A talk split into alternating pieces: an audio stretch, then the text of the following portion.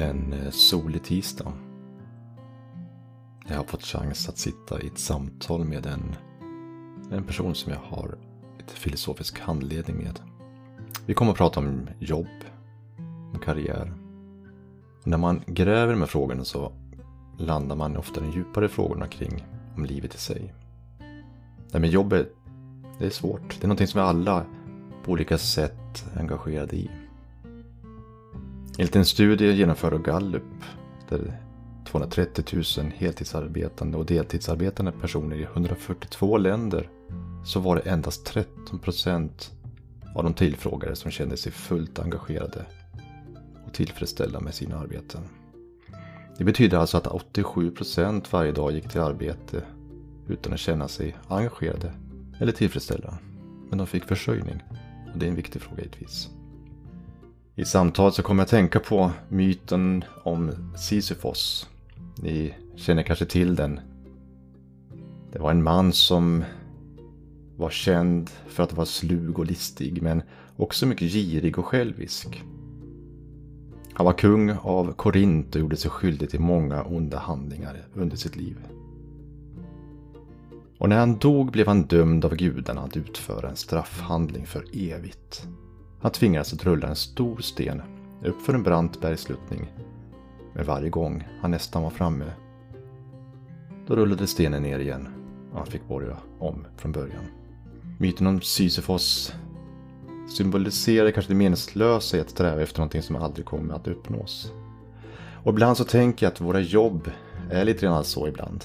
Vi går till jobbet, upprepar samma sak varje dag och ibland känner man kanske att, som min vän jag pratar med, eller min gäst jag pratar med, som sa, ibland kändes det som att ja, nu har jag klarat ytterligare en dag, eller jag överlevde ytterligare en dag. Albert Camus talar om Sisyfos. Det är han som skrev boken Myten om Sisyfos. Det är en metafor för den mänskliga existensen som han menar på något vis är absurd. Eftersom människans strävan efter mening och syfte är omöjligt att uppnå en värld som saknar kanske någon inneboende mening och syfte. Trots detta menar han att människan måste acceptera det här faktumet att inte ge upp sin strävan efter mening och lycka. Det absurda kan ta sig olika uttryck. Camus skriver precis i sin bok att det inträffar ibland att den yttre ramen för vårt dagliga liv faller i bitar. Uppstigning, spårvagn, fyra timmar på kontoret eller fabriken, lunch, spårvagn, fyra timmars arbete, middag, sömn och måndag, tisdag, onsdag, torsdag, fredag och lördag i samma rytm. Så fort går det fort, rutinmässigt och för det mesta utan någon större svårighet. Men en vacker dag inställer sig frågande varför.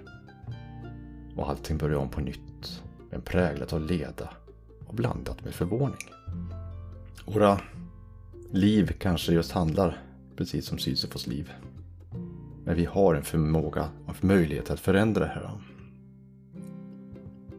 Om det nu är så att vi kanske känner att ja, men jag trivs inte på ett ställe jag är på det jobb jag jobbar med så kanske man ska fundera på är jag villig att fortsätta rulla stenen för den kommer ändå rulla ner.